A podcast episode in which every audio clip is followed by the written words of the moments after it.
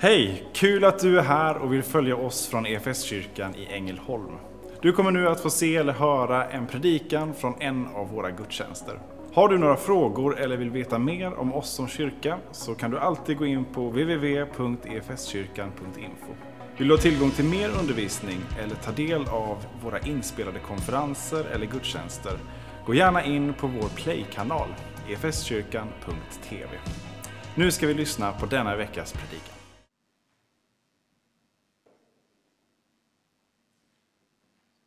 Vi är inne i fastan och under fastan så har vi valt att hålla samman den här perioden under ett gemensamt tema, samlas vid korset. Därför att det är där vi behöver vara. Det är utifrån korset som, som det kristna livet utgår. Idag så har kyrkoåret temat kampen mot ondskan. Det är också där vi landar. Vid korset, där sker kampen. Det är så centralt i kristen tro, korset. Det är därför vi alltid har det här framme, i, mitt i blickfånget på altaret. När evangelierna, de fyra evangelisterna tecknar Jesu liv, så, så ser man hur centralt det är när man tittar på fördelningen eller tempot i Jesu födelse, tar några och stannar upp vid. Sen så går uppväxten i raketfart. Och sen så saktar det ner lite grann för några år där Jesus har sin offentliga tjänst. Och sen så går det ner i slow motion. Nästan i realtid får vi följa Jesus sista vecka inför korset. Nästan hälften av evangelietexterna berör den veckan. Och när Paulus skriver till församlingarna och när han skriver om korset så är det så uppenbart att det här är, det är allt för honom. Det är så centralt. Han skriver i Galaterbrevet att jag vill aldrig berömma mig av någonting annat än Kristi kors. Kristi kors har gjort allt annat i Paulus liv värdelöst i jämförelse med den enorma Guds nåd och kärlek som blir tillgänglig och synlig på korset.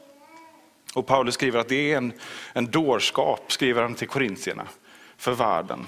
Det är helt omöjligt att förstå det som händer på korset och samtidigt så är det hela grunden för kristen tro.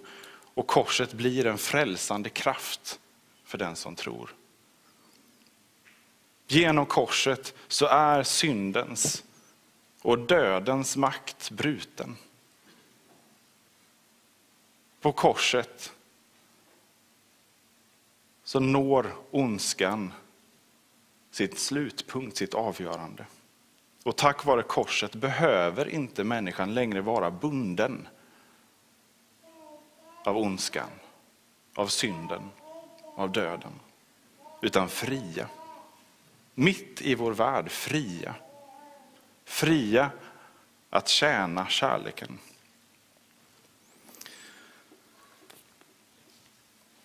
Vi kommer läsa några bibeltexter eh, som är lite längre. Så jag skulle tipsa dig om att ta upp din bibel på telefonen eller längst bak vid värdarna där nere finns det också biblar att låna. Det kan vara lite lättare att få se helheten framför sig ibland och inte bara verserna som, eh, som rusar förbi på, på skärmen. Men Paulus skriver så här när han tecknar det stora som, eh, som Jesus är och som Jesus har gjort för oss på korset. Skrev han så här i Kolosserbrevet. I första kapitlet, det här blir inledningen, hälsningen till församlingen i Kolossai. I Kolosserbrevet 1 och så vers 11 och framåt så skriver Paulus så här. Hans härlighetskraft ska på allt sätt ge er styrka att alltid och med glädje vara uthålliga och tålmodiga. Och ni ska tacka Fadern som har gjort er värdiga att få del i det arv som väntar de heliga i ljuset. Han har räddat oss ur mörkrets välde och fört oss in i sin älskade sons rike. Och genom sonen har vi friköpts och fått förlåtelse för våra synder. Han är den osynlige Gudens avbild, den förstfödde i hela skapelsen. Ty i honom skapades allt i himlen och på jorden, synligt och osynligt. Troner och herravälden, härskare och makter, allt är skapat genom honom och till honom. Han finns före allting och allting hålls samman i honom. Och han är huvudet för kroppen, för kyrkan. Han som är begynnelsen, förstfödd från de döda till att överallt vara den främste. Ty Gud beslöt att låta all fullhet bo i honom. Och att genom hans blod på korset stifta fred och försona allt med sig genom honom och till honom. Allt på jorden och allt i himlen. Och ni som förut stod utanför och visade ert fientliga sinnelag i era onda gärningar, också er har han nu försonat med sig genom att Kristus led döden med sin jordiska kropp. Han ska låta er träda fram inför sig, heliga och fläckfria och oförvitliga. Om ni håller fast vid er tro, har en stadig grund och inte viker från det hopp ni har fått höra om i evangeliet, som har förkunnats för allt skapat under himlen och vars tjänare jag, Paulus, har blivit.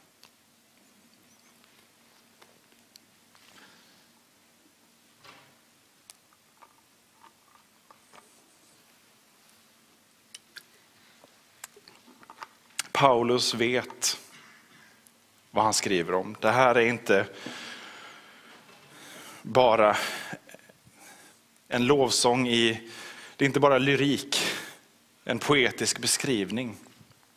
Det här är verkligheten som Paulus har mött och som han har blivit golvad av.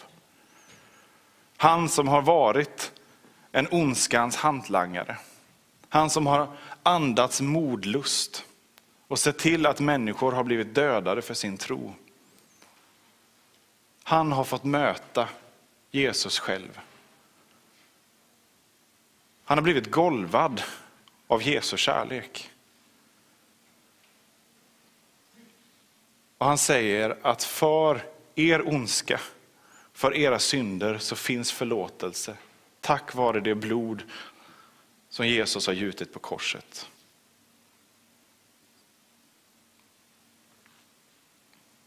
Och Paulus skriver något annat tillfälle att han är den största syndare av alla. Som en tröst. Finns det förlåtelse för mig så finns det förlåtelse för alla. Och här talar han om allt i himlen, allt på jorden är försonat genom korset. Så lev nu i det här. Ondskan är besegrad. När kyrkofäderna talar om vad som händer på korset så är det som att de målar upp eh, manuset till en, en thrillerfilm.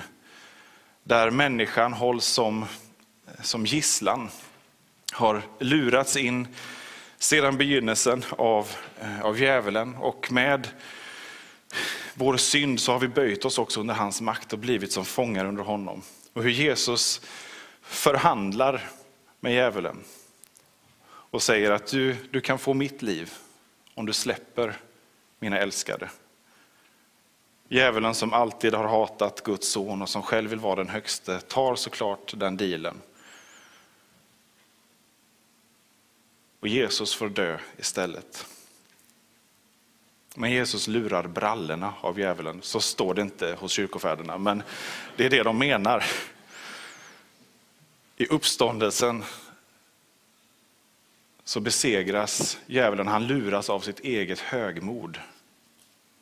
Han trodde att döden kunde ha makt över Guds son som var helt utan synd.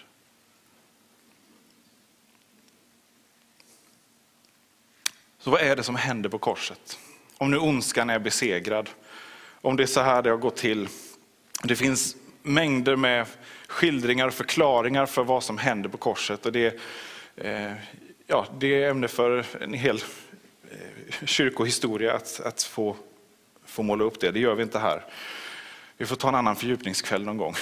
Men ändå, vad är det som händer på, på korset? Varför försvinner bara inte all ondska? Varför upphör den inte? En fråga som har jäckat mänskligheten ända sedan tanken, uppenbarelsen dök upp om en Gud som är god, kärleksfull och samtidigt allsmäktig. Problemet, som Paulus beskriver det, som Bibeln beskriver det, är att vi alla har ondska i oss. Och det är inte, det är inte så att min ondska sitter liksom i, ena handen och så räcker det att amputera den så blir av med den. Ondskan är liksom genomsyrad, den finns hos oss, uppblandad med allt annat.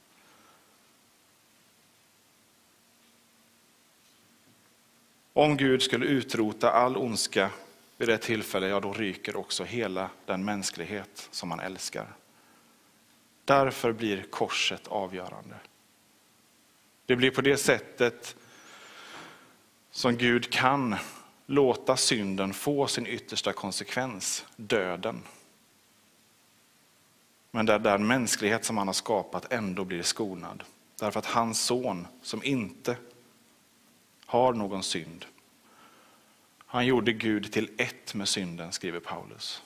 Han som inte kände synd gjorde Gud till ett med synden.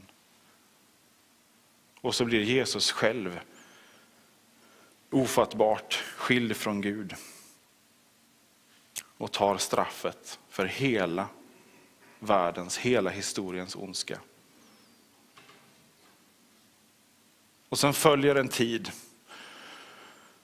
med en inbjudan till mänskligheten om att få tacka ja till det här kirurgiska ingreppet i vårt hjärta.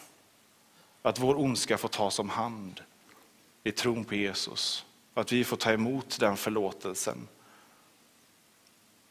Får bli avklädda. Vår synd, vår skam och vår förgänglighet och istället få bli iklädda Kristus. Vi får klä oss i hans förlåtelse. Vi får klä oss i hans ljus. Vi får klä oss i hans liv.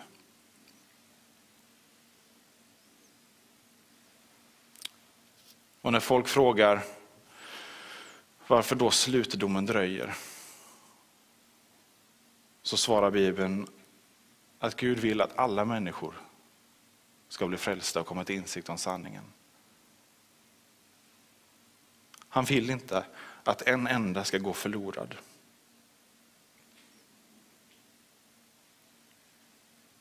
Därför håll fast vid er tro. Stå på den stadiga grunden. Vik inte från det hoppet som evangeliet har gett er. Kristus är kyrkans huvud. Om vi följer honom, om vi finner vår plats i att vara hans kropp, så får vi också uthållighet att leva i den kampen som han redan har vunnit. För även om kampen mot det onda är avgjort och djävulen vet om det, så beskriver Bibeln hur han går omkring som ett rytande lejon efter någon att sluka. Han vet att det är avgjort. Han vet att det är slut. Varför lägger han sig bara inte ner då? Därför att högmodet och ondskan kan inte det. Han är förblindad av sitt eget högmod. Och vi ser det också upprepas i mänskligheten gång på gång. Hitler visste att kriget var förlorat. Ändå så skickade han ut 14-åriga pojkar med vapen i hand för att möta den röda armén i Berlin. In i det sista så fortsätter han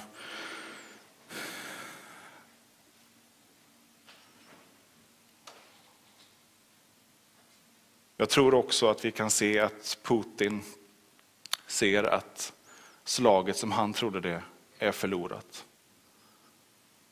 Han verkar inte komma längre med invasionen just nu. Då öser han istället bomber över Ukraina. Förstör så mycket han bara kan.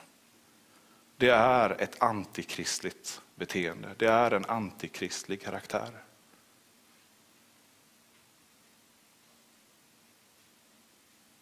Att när sanningen rullas upp, när slaget är förlorat, ändå förstöra och riva ner så mycket man kan. Mitt i den här fruktansvärda brottningen så finns Kristi kropp. Och vi kommer få fortsätta brottas med den här frågeställningen, var Gud är, var han, hur han griper in.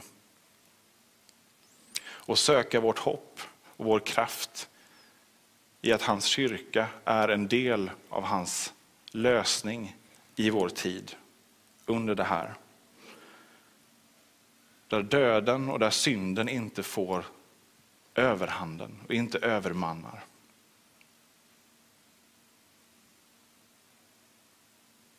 Ur ett mänskligt perspektiv kan det tyckas helt galet.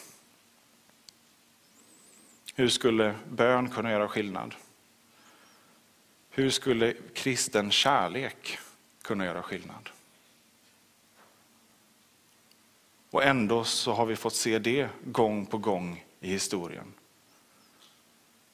Hur kristna utifrån sin övertygelse vägrar att ta livet av någon annan som också är älskad av Gud. Istället ger sitt liv för någon annan. Sjukvårdare som står längst fram på frontlinjen. När alla andra retirerar går de fram för att rädda de som ligger kvar. Det finns en fruktansvärd film, men också fantastisk, som heter Hacksaw Ridge. Som handlar om en amerikansk kristen vapenvägrare.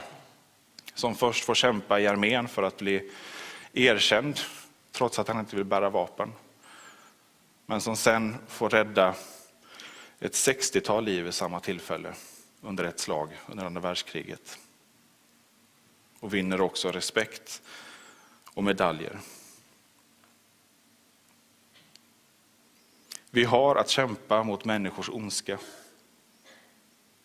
Vi ska göra det med alla medel som vi har och som vi kan stå för. Men ytterst sett så kämpar vi inte mot människor.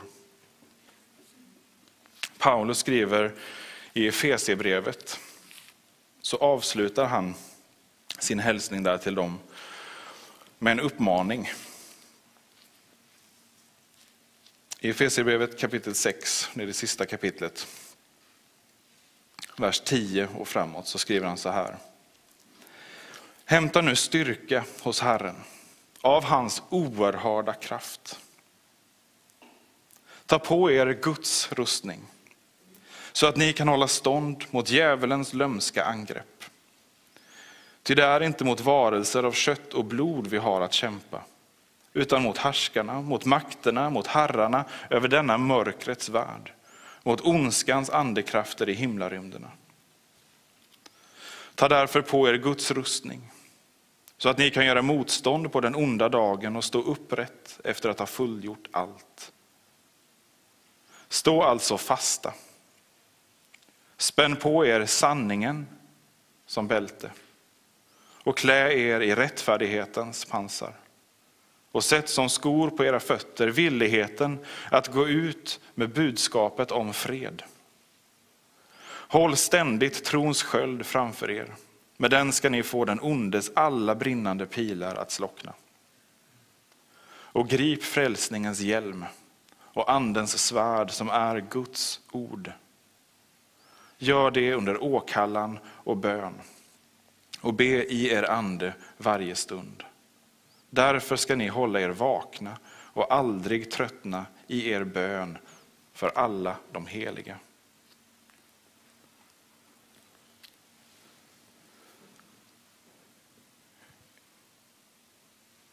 Ytterst sett kämpar vi inte mot människor, utan mot ondskan i sina olika former som plågar människor på alla sidor, i alla sammanhang.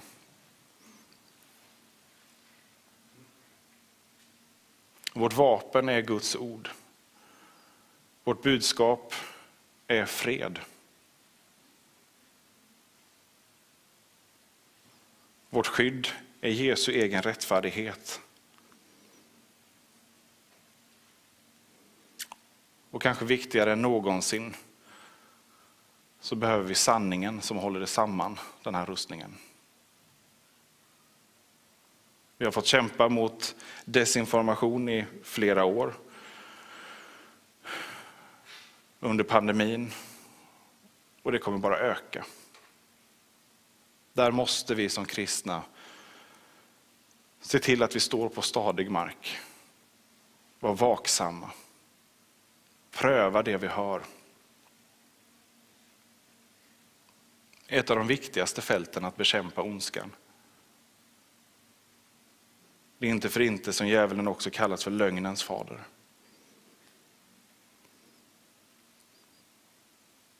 Och så det svåraste av allt kanske. Den uppmaningen som Jesus ger, älska också din fiende. Be för den som förföljer dig. Fullständigt omöjligt ur ett mänskligt perspektiv. Att älska så som Fadern själv älskar. Ända in i döden.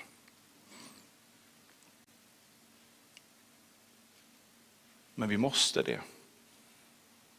Om inte annat för att bli bevarade själva i vår mänsklighet och i vår tro. För så förrädisk är synden, så slug är djävulen att rädsla och hat får syskon att vända sig mot varandra.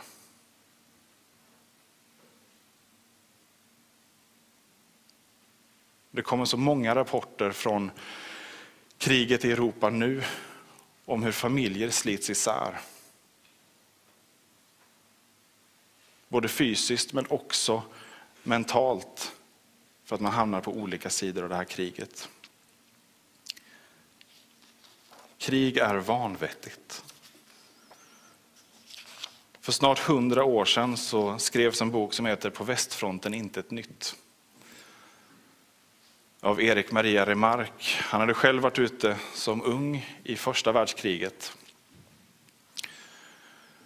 Och I boken så beskriver han unga män som drar ut stolta över att få tjäna sitt land.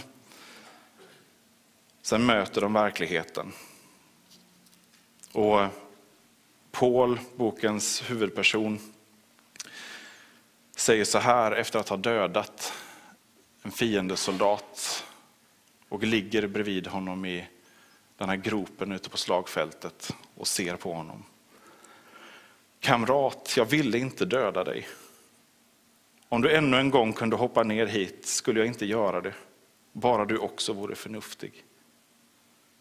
Men du var för mig tidigare bara en tanke, en kombination som levde i min hjärna och ropade på ett beslut.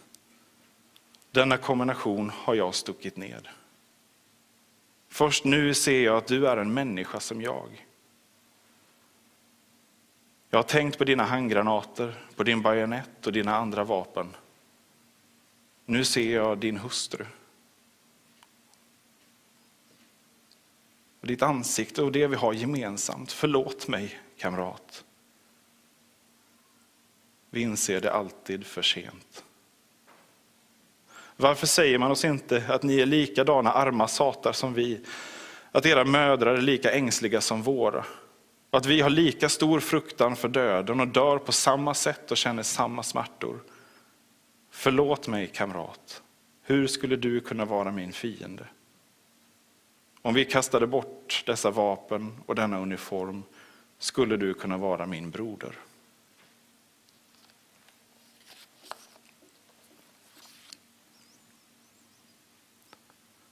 Det här är krigets verklighet i romanskildring. Det finns en gammal filmatisering, tycker jag fortfarande det är en av de starkaste scenerna som har gjorts det här ögonblicket. Hur kampen sker också i oss hela tiden. Kampen sker i oss. Också där måste vi våga lita på att Kristus segrar över ondskan. Vi behöver kämpa mot vårt eget sinne. Bibeln beskriver det som vår gamla människa, vårt kött. Vår fallenhet för synden, för det genomsjälviska. För där får lögnerna och rädslan möjlighet att slå rot och växa. Vi behöver Guds ögon för vilka vi är. Vi behöver Guds ögon för den människa som vi fruktar. För den människa som vi hatar. För den människa som vi föraktar. Vi behöver Guds ingripande i vårt eget hårda hjärta för att kunna älska som han. För mänskligt sett är det fullständigt orimligt.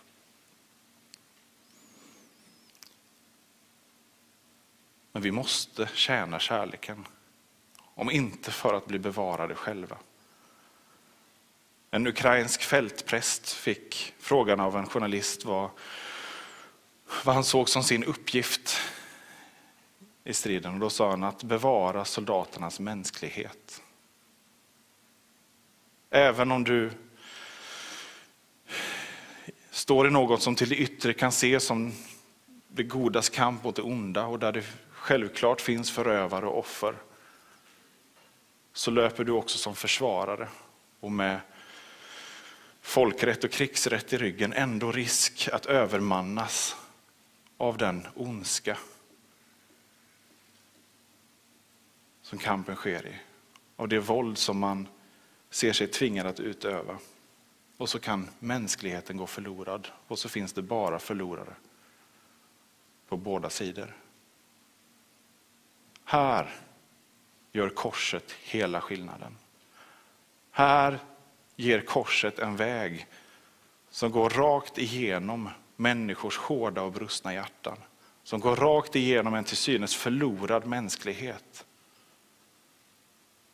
Här kan korset förvandla det hårdaste stenhjärta till ett hjärta av kött och blod med förmåga att älska trots allt som finns runt omkring, trots allt man har varit med om. Och vittnesbörden är många genom historien. Om hur kyrkan har fått göra den skillnaden och hur kyrkan också har fått vända våldsamma imperier på ända. Romarriket krackelerade inifrån i sitt eget högmod men också därför att man blev underminerad av den rörelse man fruktade och förföljde. Den självutgivande kristna kärleken. Så var det också i Sovjet och det är också fortsatt vår kallelse. Kyrkans uppdrag mot världen och till världen, att drivas av Kristi kärlek. Och inte låta sig drivas av rädsla eller av hat. Och våga be bönen om att få bli förvandlad av Jesu egen kärlek, att bli förvandlad av korset så till den grad att jag också kan älska min fiende. Då står jag också fri, inte bunden av någon människa. Att stå upp mot ondska, att stå upp mot orättfärdighet, att stå upp mot övergrepp var de än sker.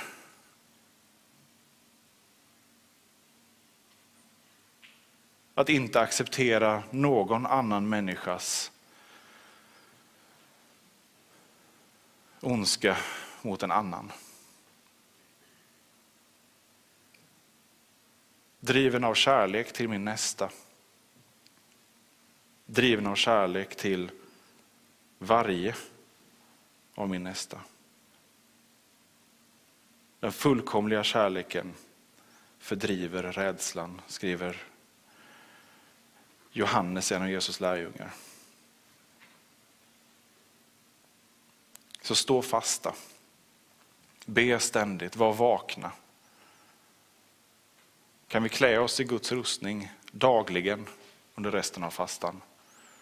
Att läsa de verserna och be om Guds bevarande av våra hjärtan så att vi också kan vara redo och tjäna och betjäna. Att vi inte överrumplas av någon situation som vi möter. Därför att vi vet hur hemsk världen kan vara. Men vi vet också hur god Gud är. Lita på kyrkans huvud, Jesus Kristus.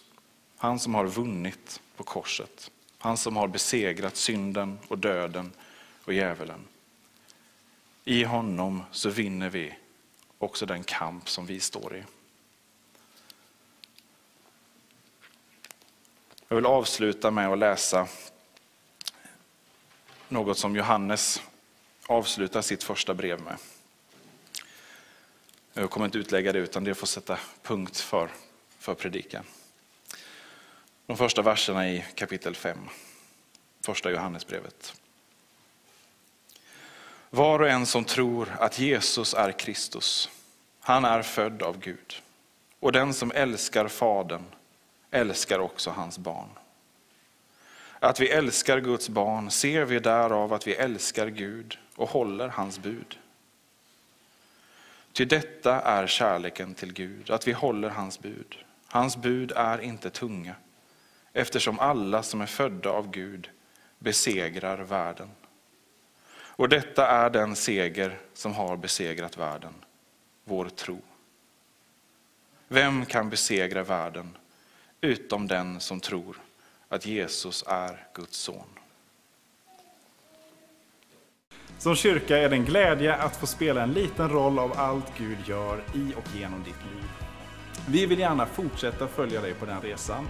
Och vill du ta reda på vad ditt nästa steg kan vara på din resa med Gud så gå in på efskyrkan.info nästa steg.